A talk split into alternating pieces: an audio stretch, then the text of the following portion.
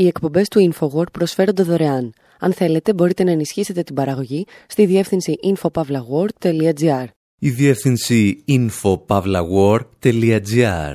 Η εκπομπή InfoWord με τον Άρη Χατζηστεφάνου.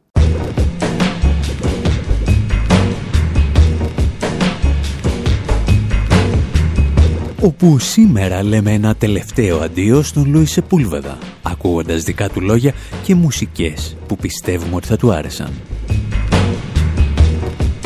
Τον παρακολουθούμε στο πλευρό του Προεδρού Αλιέντε στη Χιλή, εκείνες τις ημέρες της 11 Σεπτεμβρίου του 1973.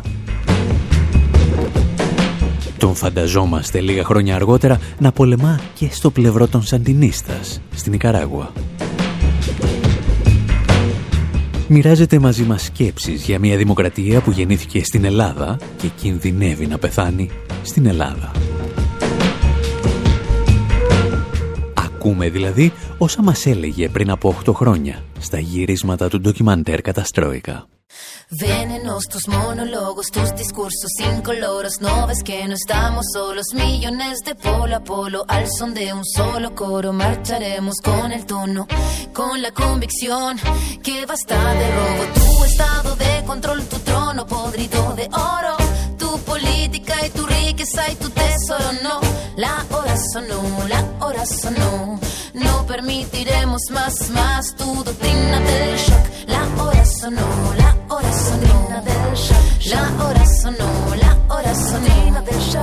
La hora sonó, la hora sonó. La hora sonó, la hora sonó. Países, solo corporaciones. ¿Quién tiene más, más, más acciones? Trozos gordos, poderosos, decisiones por muy pocos. Constitución pinochetista, derecho pues de hilo fascista. Golpista disfrazado de un indulto elitista. Cae la gota, cae la bolsa, la toma, se toma la máquina, rota la calle, no calle, la calle se raya, la calle no calle, debate que está y todo lo quitan, todo lo venden, todo se lucra, la vida, la muerte, todo es negocio, pago tu tordo, semilla, pascuala, me todo seguro. Venenos, tus monólogos, tus discursos sin colores, no ves que no estamos solos, millones de polo a polo, al son de un solo coro, marcharemos con el tono, con la convicción que basta de robo, tu estado de control, tu trono podrido de oro, tu política y tu riqueza y tu tesoro, no, la hora sonó, la hora sonó, no permitiremos más, más tu doctrina del shock, la hora sonó, la hora sonó, la hora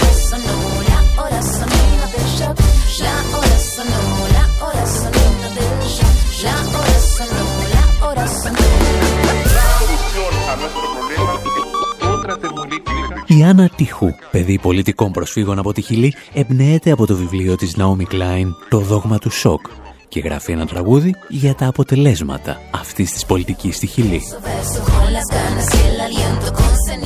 Και το νέο φιλελεύθερο σοκ στο οποίο αναφέρεται ξεκινά την 11η Σεπτεμβρίου του 1973 όταν από ένα στρατιωτικό ασύρματο ακούγονται τα παρακάτω λόγια. Hay una comunicación, una información. Προς Γουστάβο και Αγκούστο από τον Πατρίτσιο. Υπάρχει μια πληροφορία από δόκιμο της Σχολής Αξιωματικών που βρίσκεται μέσα στο Προεδρικό Μέγαρο. Λόγω των ενδεχομένων παρεμβολών μεταδίδω το μήνυμα στα αγγλικά. Λένε ότι ο Αλιέντε αυτοκτόνησε και τώρα είναι νεκρός. Απαντήστε αν έγινε κατανοητό.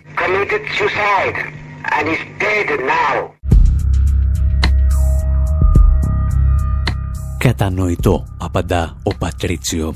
Κατανοητό, απαντά και ο Αουγκούστο. Ο γνωστός μας Αουγκούστο Πινοσέτ.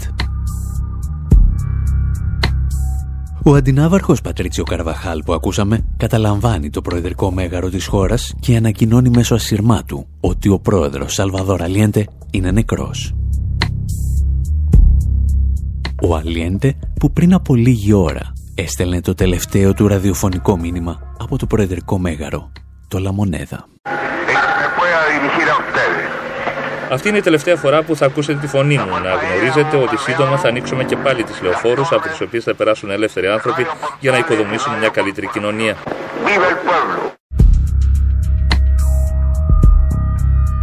Το τι ακριβώς συνέβη εκείνη την 11η Σεπτεμβρίου του 1973 στο Προεδρικό Μέγαρο της Χιλής παρέμενε για δεκαετίες αντικείμενο σφοδρών αντιπαραθέσεων. Όσοι είχαν δει τον πρόεδρο Αλιέντε να κυκλοφορεί στο προεδρικό μέγαρο με ένα καλάσνικο στα χέρια δεν μπορούσαν να δεχθούν την επίσημη εκδοχή ότι αυτοκτόνησε. Και ένας από τους ανθρώπους που ρωτούσαν και ξαναρωτούσαν τι πραγματικά συνέβη εκείνη την ημέρα ήταν και ο συγγραφέας Λουίς Σεπούλβεδα. Ένας συγγραφέας, ο οποίος πριν αρχίσει να γράφει μυθιστορήματα, ήταν μέλος της προσωπικής φρουράς του Αλιέντε. Tuve la, el enorme honor de ser parte de la guardia del, del presidente Allende Είχα την τεράστια τιμή να είμαι μέρος της φρουράς του Πρόεδρου Αλιέντε και όλα τα χρόνια όταν επιστρέφω στη Χιλή ξαναβρίσκομαι με τους άλλους συντρόφους οι οποίοι επίσης ήταν στη φρουρά του Πρόεδρου. Υπήρχε μια ομάδα από προσωπικούς φίλους η οποία ονομαζόταν Γκάπα. Ορισμένοι από τους παλιούς συντρόφους βρίσκονταν μαζί με τον Αλιέντε στο Προεδρικό Μέγαρο εκείνη την ημέρα 11 Σεπτεμβρίου. Οι ίδιοι υποστηρίζουν ότι κανένας δεν είδε την ακριβή στιγμή κατά την οποία ο Πρόεδρος αυτοκτόνησε. Οπότε ήταν εύκολο να κυκλοφορήσει η θεωρία της αυτοκτονίας του Αλιέντε del suicidio de Allende. Η οικογένεια του Αλιέντε θα αποδεχθεί τελικά την εκδοχή της αυτοκτονίας. Το 2011 όμως, δικαστήριο της Χιλής ανοίγει και πάλι τον φάκελο Αλιέντε. Εκείνη τη χρονιά θα γνωρίσουμε και εμείς τον Λούι Σεπούλβεδα στα γυρίσματα του ντοκιμαντέρ Καταστρόικα. Στη συνέντευξη που παραχώρησε στην Κατερίνα Κιτίδη μας παρουσίασε και μία άλλη, λιγότερο γνωστή εκδοχή για όσα συνέβησαν την 11η Σεπτεμβρίου της Χιλής. En el año 1990 Los restos de Allende fueron exhumados. Το 1990 τα λείψανα του Allende είχαν εκταφεί από το νεκροταφείο του Βαλπαράισο, όπου είχε θαυτεί σχεδόν μυστικά και μεταφέρθηκαν στο πάρθον της οικογένειας του Σαντιάγο. Κατά τη διάρκεια της εκταφής φάνηκε κάτι περίεργο. Τα ρούχα τα οποία φορούσε ο πρόεδρος την ημέρα του θανάτου του είχαν σημάδια μιας άλλης βολής στο στήθος. Επομένως, προκύπτει η θεωρία ότι μάλλον ο πρόεδρος αυτοπυροβολήθηκε, έμεινε τραυματισμένος και οι στρατιωτικοί τον ξανασκότωσαν και είπαν ότι ήταν αυτοκτονία.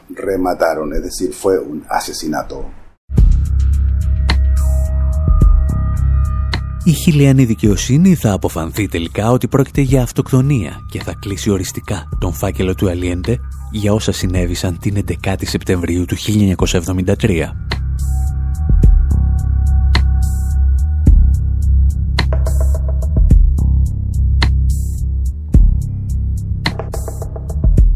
Για κάποιους, εκείνη η 11η Σεπτεμβρίου ήταν το τέλος μιας μεγάλης ιστορίας για τον Λούις Σεπούλβεδα ήταν η αρχή μιας ακόμη μεγαλύτερης περιπέτειας. Αμέσως μετά το πραξικόπημα, ο Σεπούλβεδα οδηγείται στη φυλακή για δυόμιση χρόνια. Θα απελευθερωθεί με περιοριστικούς όρους ύστερα από παρέμβαση της γερμανικής διεθνούς αμνηστίας. Αλλά αυτός προτιμά να περάσει στην παρανομία. Και αντί να κρυφτεί, στείνει μια δραματική σχολή στο Βαλπαραΐσο, η οποία θα αποτελέσει μία από τις πρώτες αιστείες αντίστασης στη νεοφιλελεύθερη χούντα του Πινοσέτ. Και η ποινή του γι' αυτό θα είναι η σόβια κάθερξη. Ο Σεπούλβεδα όμως θα καταφέρει να διαφύγει και πάλι και ύστερα από μια μακρά περιπλάνηση στη Βραζιλία, την Αργεντινή, την Ουρουγουάη και τον Ισημερινό αποφασίζει ότι είναι και πάλι η στιγμή να περάσει σε μια περιοχή που ηχούν τα όπλα.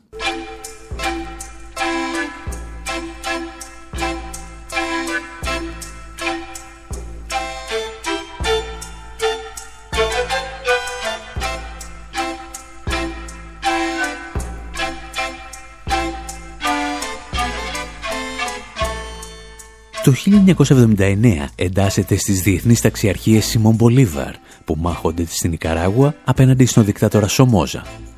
Και αυτή τη μάχη θα την κερδίσει. Εμείς σας αφήνουμε για λίγο με το ορχιστρικό από την ταινία «Επιστροφή στην Ικαράγουα» του Τζέρι Γκολσμάιθ και επιστρέφουμε στην Ελλάδα του Λούι Σεπούλβαδα.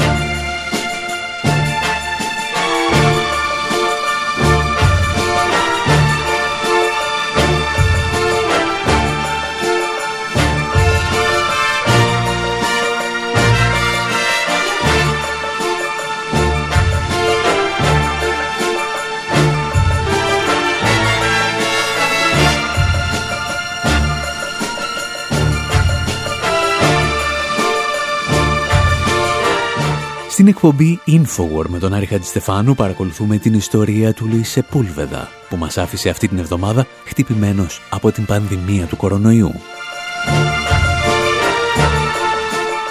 Τον συναντήσαμε όπως είπαμε στα γυρίσματα του ντοκιμαντέρ Καταστρόικα το 2011 και η Κατερίνα Κιτίδη τον ρωτούσε τότε για όσα θα συνέβαιναν τα επόμενα χρόνια στην Ελλάδα των μνημονίων, την Ευρώπη που μετέτρεπε μια χρηματοπιστωτική κρίση σε δημοσιονομική και τον κόσμο που προσπαθούσε να σώσει τον καπιταλισμό.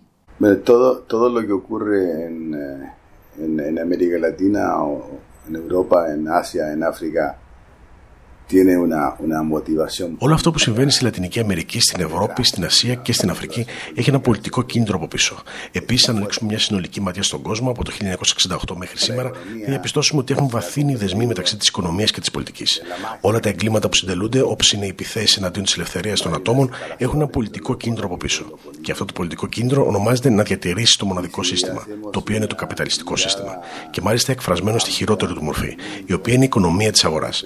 Είναι κάτι παγκόσμιο παγκόσμιο, είναι κάτι που αφορά όλο τον πλανήτη. La economía de mercado es algo global, es algo, es algo planetario. Ο Λούις Σεπούλβεδα παρακολούθησε από την πρώτη στιγμή την κρίση της Ελλάδας και κατάλαβε από την πρώτη στιγμή επίσης ότι κάποιοι οδηγούσαν τη χώρα να πληρώσει τις αμαρτίες κάποιων ξένων τραπεζών. La crisis griega no es muy diferente de la crisis que hoy día pasa a España, Η ελληνική κρίση δεν είναι πολύ διαφορετική από αυτή που συμβαίνει σήμερα στην Ισπανία, στην Πορτογαλία και στην Ιρλανδία. Δυστυχώς η πολιτική τάξη την παρουσιάζει σαν αποτυχία των πολιτών, σαν να ήταν οι πολίτες υπεύθυνοι για την κρίση. Στην πραγματικότητα είναι μια κρίση του οικονομικού συστήματος προερχόμενη από την απόλυτη έλλειψη της ηθικής και της διοντολογίας που παρουσιάζει το διεθνές οικονομικό σύστημα. Η ελληνική κρίση δεν είναι ούτε κρίση του ελληνικού κράτους, γιατί μέχρι και το Διεθνές Νομισματικό Ταμείο έδειξε ότι το ελληνικό δημόσιο έλλειμμα δεν είναι υπερβολικό. Δεν είναι ενισχυτικό. Το πρόβλημα είναι το ιδιωτικό χρέος.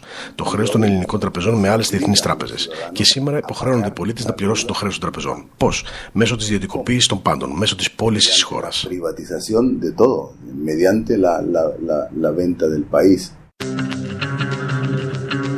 Οι ιδιωτικοποιήσεις παίζουν καθοριστικό ρόλο στον τρόπο με τον οποίο ο Σεπούλβεδα κατανοούσε την επίθεση εναντίον χωρών όπως η Ελλάδα. Μιλώντας στο ντοκιμαντέρ Καταστρόικα, μας εξηγούσε όχι τι είχε συμβεί, αλλά τι θα συνέβαινε. Γιατί, αν προσέξετε, οι ιδιωτικοποιήσεις τις οποίες αναφέρεται ήρθαν μερικά χρόνια αργότερα από μια άλλη κυβέρνηση. Las condiciones que pone el Fondo Monetario Internacional y los grandes bancos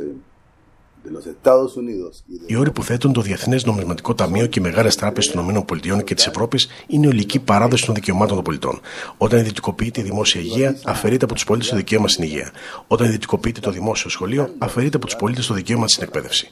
Όταν ιδιωτικοποιούνται τα αεροδρόμια, τα δημόσια μέσα μεταφοράς, οι σιδηρόδρομοι, αφαιρείται από τους πολίτες κάτι που τους ανήκει. Επομένως, δεν είναι μια κρίση της Ελλάδας ως χώρας. Είναι μια κρίση του ελληνικού οικονομικού συστήματος. Δυστυχώς, το ελληνικό κράτος το παρουσιάζει σαν μια κρίση των Ελλήνων πολιτών. Και αυτό δεν ισχύει. Como una crisis de los ciudadanos griegos, ¿no? Y eso no es así. Y es terriblemente grave lo que, lo que ocurre en Grecia. Είναι τρομερά σοβαρό αυτό που συμβαίνει στην Ελλάδα. Εδώ γεννήθηκε η δημοκρατία και το διεθνές οικονομικό σύστημα προορίζει εδώ να πεθάνει η δημοκρατία. Que aquí muera la democracia.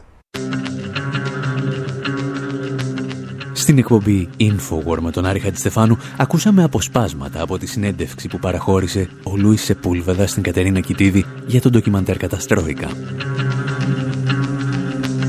Εσείς μένετε εδώ, γιατί στο δεύτερο μέρος της εκπομπής αλλάζουμε ολοκληρωτικά θέμα και φοράμε τα γιορτινά μας.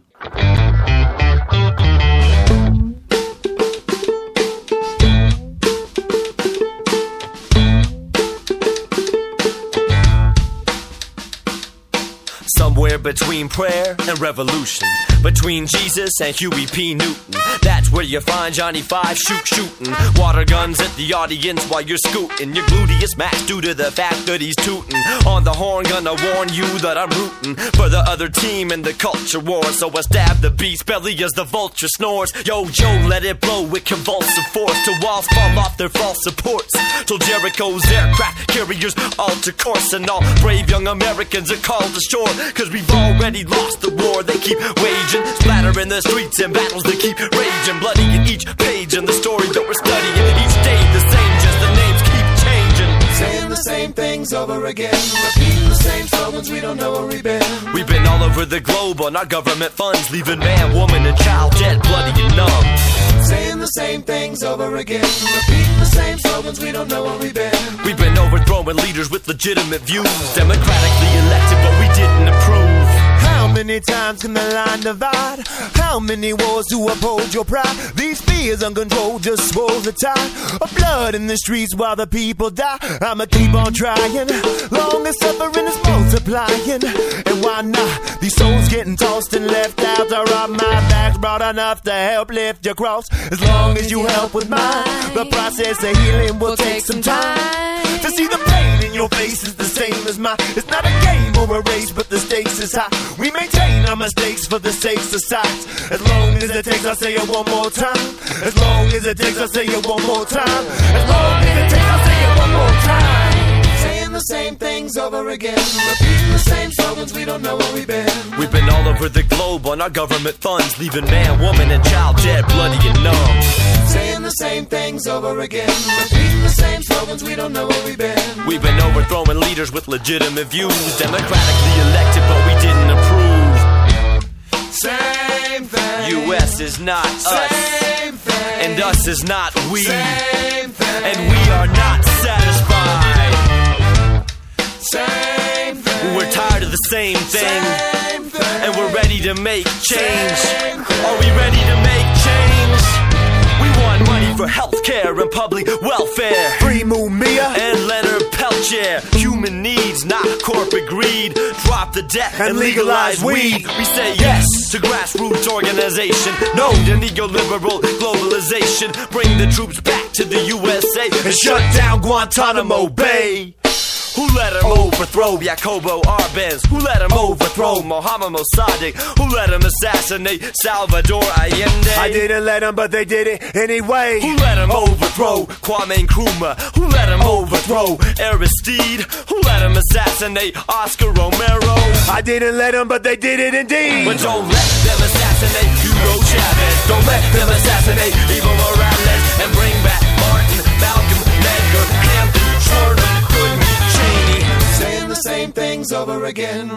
Οι εκπομπές του InfoWord προσφέρονται δωρεάν. Αν θέλετε, μπορείτε να ενισχύσετε την παραγωγή στη διεύθυνση infopavlagor.gr.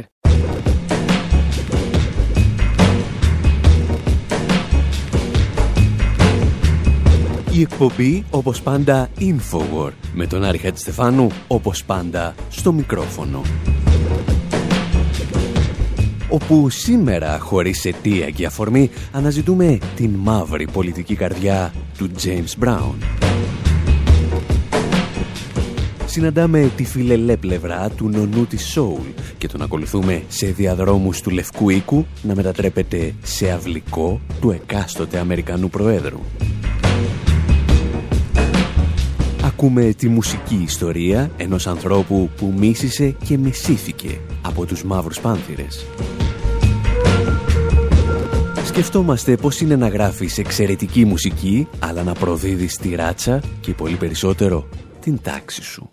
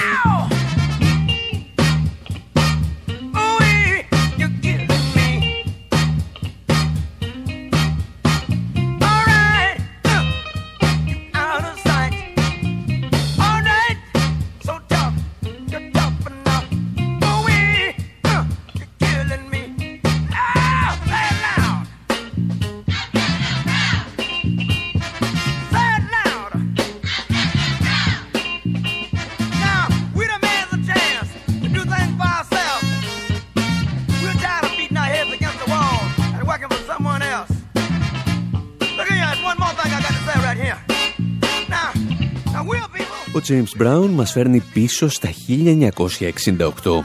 Ήταν η εποχή που καλούσε τα αδέρφια του να φωνάξουν «Πες το δυνατά, είμαι μαύρος και υπερήφανος γι' αυτό». Ο James Brown χτίζει ένα διάλογο ανάμεσα στον ίδιο και περίπου 30 παιδιά, αντιγράφοντας τη δομή παλαιών θρησκευτικών ύμνων. Σε ορισμένα σημεία μάλιστα δανείζεται ακόμη και αυτούς τους στίχους από τους ύμνους που πήγαιναν κάπως έτσι.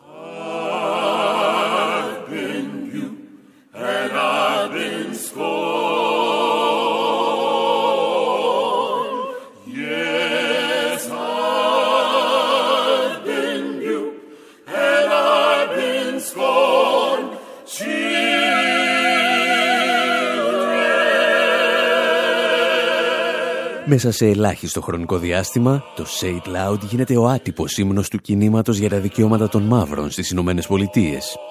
Μιλά για τις επιθέσεις και τις δολοφονίες της αστυνομίας, την φτώχεια των γκέτο, αλλά και τη δουλεία, η οποία συνεχίζεται ελαφρώς μόνο μεταμορφωμένη στη σύγχρονη Αμερική.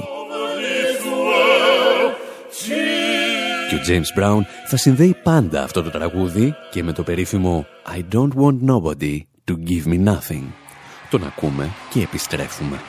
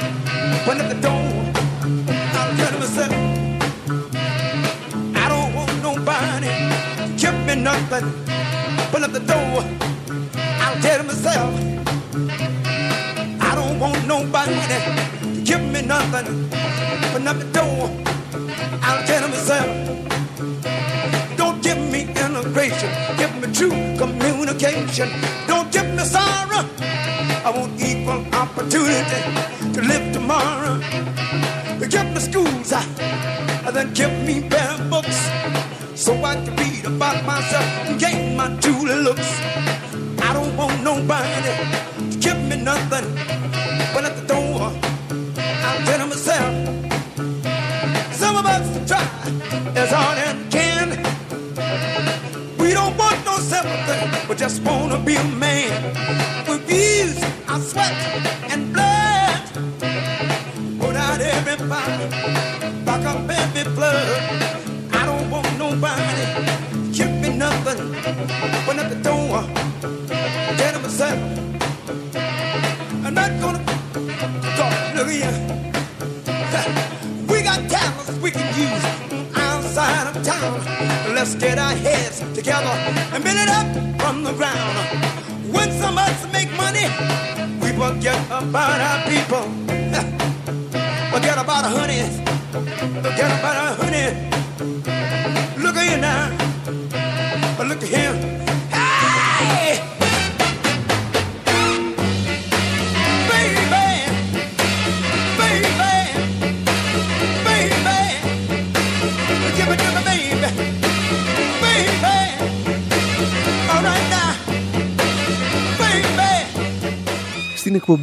Εκπομπή Infowar με τον Άρη Χατζηστεφάνου ακούμε επαναστατικές προς το παρόν ιστορίες από τον James Brown, κάπου εκεί στα 1968. Φαίνεται όμως ότι κάποιοι δεν είχαν δώσει την απαιτούμενη προσοχή σε ορισμένους στίχους, όπως αυτούς που ακούμε. «Δεν θέλω από κανέναν», έλεγε ο James Brown, «να μου δώσει κάτι. Άνοιξε την πόρτα και θα το πάρω μόνος μου». Ένας στίχος που στα 1968 εξέφραζε το πνεύμα της απελευθέρωσης του μαύρου πληθυσμού των Ηνωμένων Πολιτειών. Ένας στίχος όμως που αν τον ακούσεις σε μια άλλη εποχή έχει κάτι το ατομιστικό και το φιλελεύθερο. Και ο James Brown, όπως φαίνεται, έπεσε από μικρός στη μαρμίτα του αμερικάνικου φιλελευθερισμού και λίγο αργότερα και του νέου φιλελευθερισμού. Get that education and don't you make no ball. Cause we gonna get this thing together and you got to wear the ball. Καθώς οι φιλετικές αλλά και οι ταξικές συγκρούσεις κλιμακώνονταν στα τέλη της δεκαετίας του 60, καθένας έπρεπε να λάβει μια θέση απέναντι στις εξελίξεις. Και ο καταλήτης όλων αυτών των εξελίξεων είναι μια είδηση που ακούστηκε στα νυχτερινά δελτία ειδήσεων της 4ης Απριλίου του 1968. Direct from our newsroom in Washington, in color, this is the CBS Evening News with Walter Cronkite. Good evening. Dr. Martin Luther King, the apostle of nonviolence in the civil rights movement, has been shot to death in Memphis, Tennessee. Καθώς ανακοινώνεται η δολοφονία του Μάρτιν Λούθερ Κίνγκ, η μη βία πέφτει νεκρή στο Μέμφις. Όσοι είχαν πιστέψει στη δυνατότητα μιας ειρηνικής ανατροπής των ισορροπιών βρίσκονταν αντιμέτωποι με την κάνη των όπλων του Αμερικανικού παρακράτους. Και η μαύρη κοινότητα αντέδρασε σε αυτή την κατάσταση με τη δική της αντιβία. Rioting broke out in more than 100 cities. 20,000 army regulars. Ταραχές ξέσπασαν σε τουλάχιστον 100 πόλεις των Ηνωμένων Πολιτειών. 20.000 στρατιώτες και 34.000 εθνοφρουροί κινητοποιήθηκαν. Στο Σικάγο, ο δήμαρχος της πόλης έδωσε στην αστυνομία την εντολή να πυροβολεί και να σκοτώνει όσους δεν υπακούν. Σε ολόκληρη τη χώρα σκοτώθηκαν 46 άνθρωποι. Ο Μάρτιν Λούθερ Κίνγκ ήταν νεκρός και η Αμερική καιγόταν. Martin Luther King was dead. America was burning.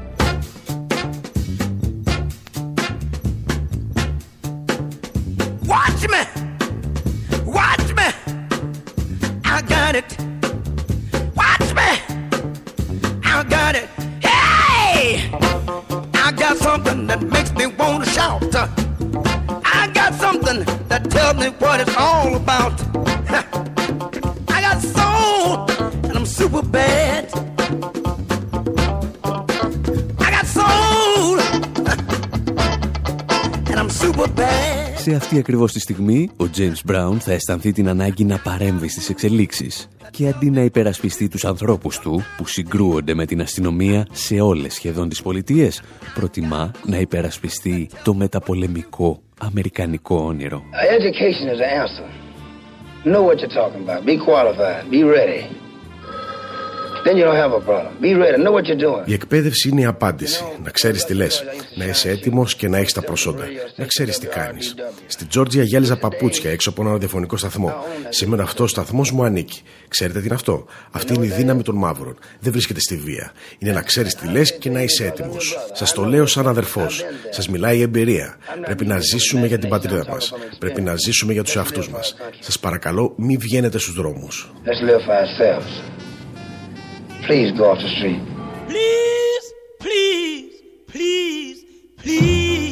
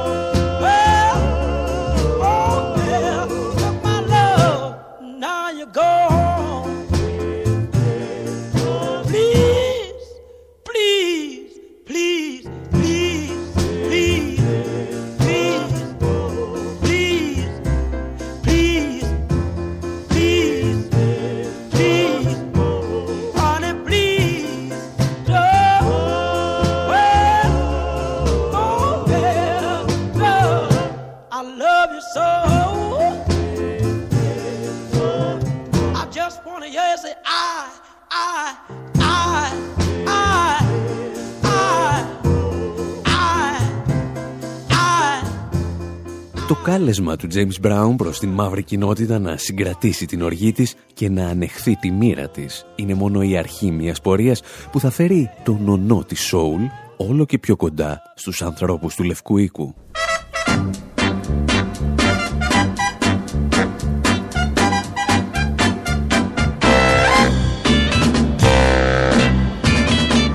Now, a good friend of mine sat with me and he cried. He told me a story. I know he had a lie. He said he went for a job, and this man said, without an education, you might as well be dead. Now don't get me wrong, he said it's not who you are, but people come to me from a near and a far. But I do just work and I follow the rules. I didn't have an education, so I had to go back to school. My friend told all his buddies that he loved so well, and of their personal troubles I will not tell. Now those guys didn't seem good, and they didn't seem bad. They didn't seem so happy, and I know they weren't sad.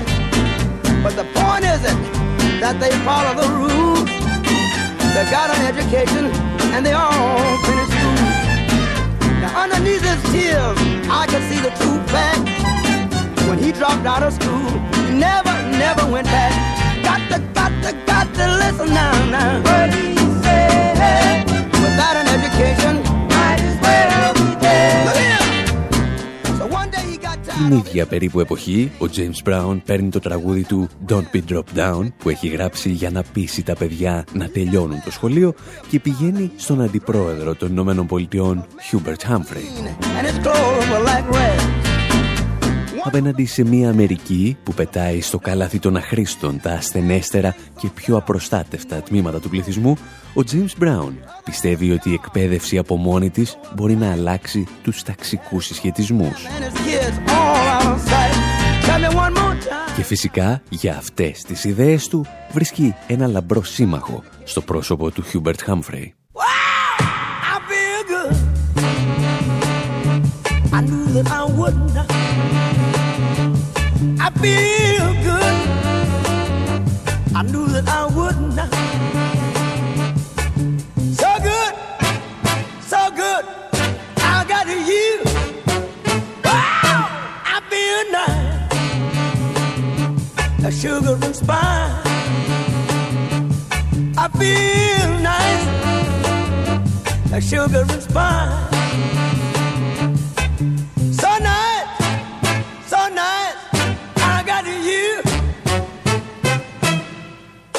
Για την ιστορία, ο Χάμφρεϊ ήταν ένα αμάλγαμα αντιρατσιστή και βαθιά αντικομουνιστή.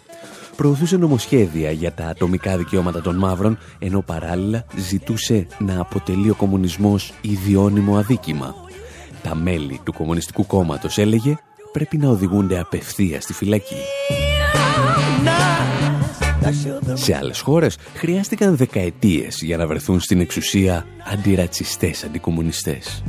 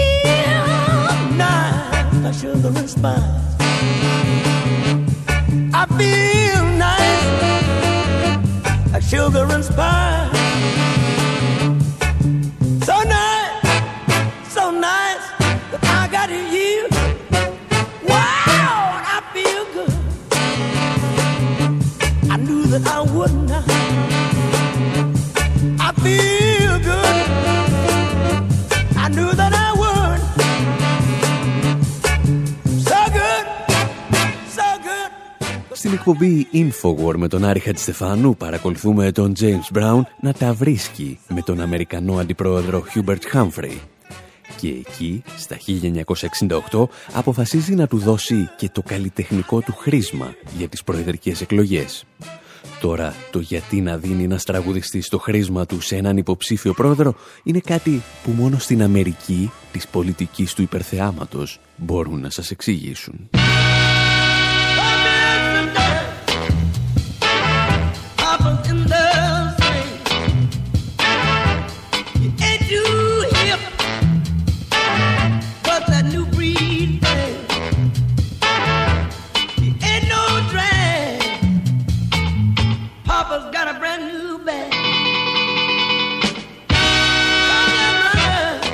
Το βέβαιο είναι ότι η απόφαση του James Brown να στηρίξει έναν υποψήφιο πρόεδρο εξοργίζει την οργάνωση Μαύροι Πάνθυρες.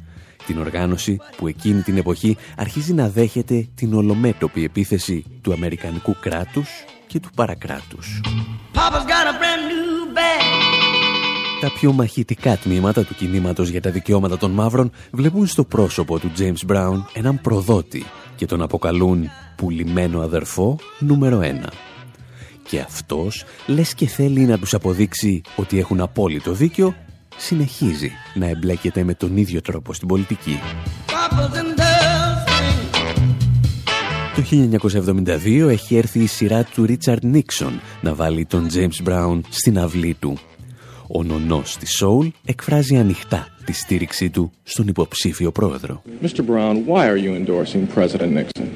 Because I believe in the future of the country lies with uh, uh, uh, Όταν οι δημοσιογράφοι τον ρωτούν γιατί στηρίζει τον Νίξον, αυτός απαντά ότι το μέλλον της χώρας βρίσκεται στα χέρια του συγκεκριμένου πολιτικού. Και ο συγκεκριμένος πολιτικός, σε μια προσπάθεια να αποσπάσει μερικές ακόμη ψήφους, τον βάζει να παίζει σε προεκλογικές συγκεντρώσεις τραγούδια όπως το I'm black and I'm proud.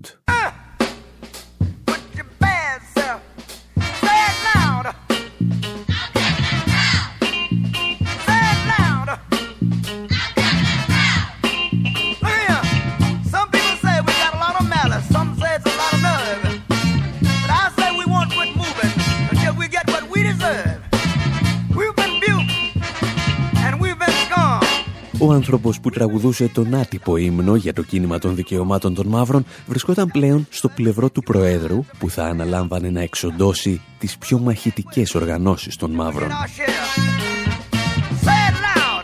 Ίσως γι' αυτό οι Μαύροι Πάνθυρες και άλλες οργανώσεις άρχισαν να μποϊκοτάρουν τις συναυλίες του James Brown και να του φωνάζουν κάτι περίεργα συνθήματα, όπως James Brown, Nixon's Clown. Ο James Brown είναι ο κλόουν του Nixon και Get the Clown Out of Town. Πετάξτε τον κλόουν έξω από την πόλη. Αυτός όμως συνέχιζε ακάθεκτος να κάνει το δικό του και τους απαντούσε με το τραγούδι Talking loud and say nothing. Μιλάτε δυνατά, αλλά δεν λέτε τίποτα.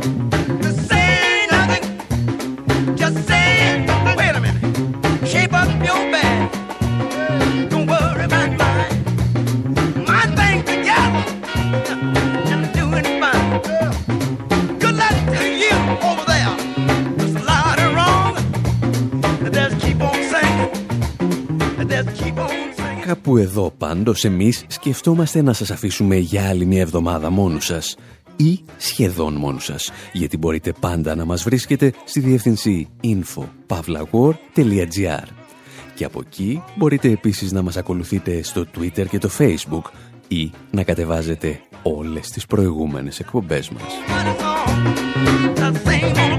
Μέχρι την επόμενη εβδομάδα πάντως, από τον Άρη Χατζηστεφάνου στο μικρόφωνο και τον Δημήτρη Σταθόπουλο στην τεχνική επιμέλεια, γεια σας και χαρά σας. Fellas, I'm ready to get up and do my thing. I want to get into it, man, you know. Like a, like a sex machine, man. Moving, doing it, you know. Can I count it off? One, two, three, four. Get up, get on up, get up, get on up. Stay on the scene, get on up. Like a sex machine, get on up, get up,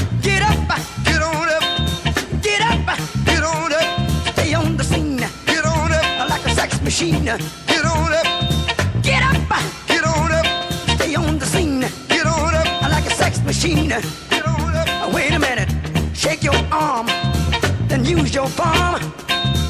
Stay on the scene, I like a sex machine. You got to have the feeling, sure you're born. Get it together, right on, right on.